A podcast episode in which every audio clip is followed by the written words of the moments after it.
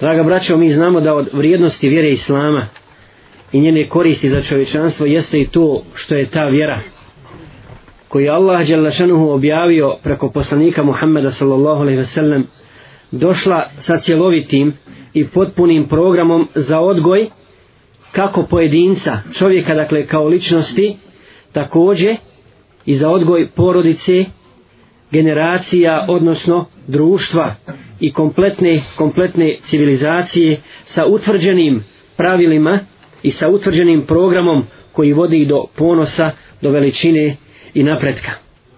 A sve to radi toga da bi se ljudskost i da bi se čovjek kao Allahov halifa na zemlji i njegovo stanje promijenilo, promijenilo na bolji.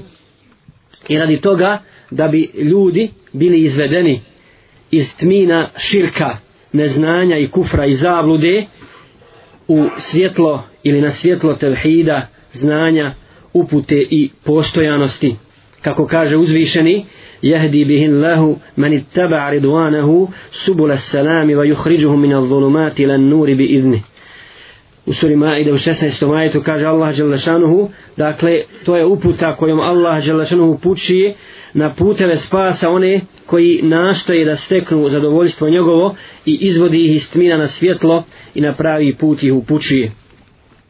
I dosta je braćo islamu ponosa koje ga danas nemaju, muslimani ga ne, nemaju, ali je islamu kao vjeri. Zaista kad govorimo o ovim stvarima dosta ponosa i ovom islamskom šerijatu to što su čak njegovi protivnici protivnici islama potvrdili njegovu vrijednost potvrdili veličinu Islama. Ja ne znam da li ste vi nekad razmišljali o ovim stvarima, ali kod nas je prevedeno dosta tih stvari i dosta izreka od mnogih kršćana, od mnogih židova u korist, u korist Islama. Ja bih samo spomenuo jednu, nekoliko tih stvari. Recimo, poznati, poznati filozof, kršćanski i učenjak, Gustav Le Bon je prema riječima jednog od zapadnih akademika rekao da se nisu pojavili Arapi sa islamom na istorijskoj pozornici, Evropa bi sa svojom renesansom kasnila mnogo vjekova.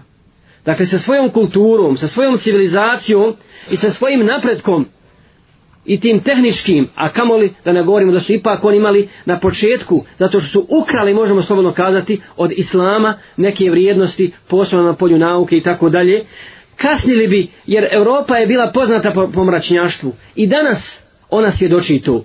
Osim tog nekog tehničkog, materijalnog napretka, zbog zaostalosti muslimana na svakom polju i ostavljanja Kur'ana, Allahove upute, dakle, Europa bi kasnila, kasnila za tim. Ono što posebno čovjeka iznenađuje, ali i zadivljuje u isto vrijeme, jest izreka također jednog kršćanina koji se zvao Bernard Shaw, koji je rekao za islam, islam je jedinstvena vjera koja posjeduje snagu da prati razvoj života u bilo kojoj fazi, u bilo kojem vremenu. I kaže, ja smatram da se Muhammed sallallahu alaihi ve sellem treba proglasiti izbaviteljem čovječanstva. Pogledajte što kaže čovjek kršćanin nikada nije primio islam. I to je ono što, mene, što, me, što je interesantno. Dakle, vidio je veličinu islama i priznao je i kaj nama treba čovjek danas, u njegovom kad je on živio, čovjek poput Muhammeda i sigurno bi nam on riješio naše probleme u kojima mi, u kojima mi danas živimo.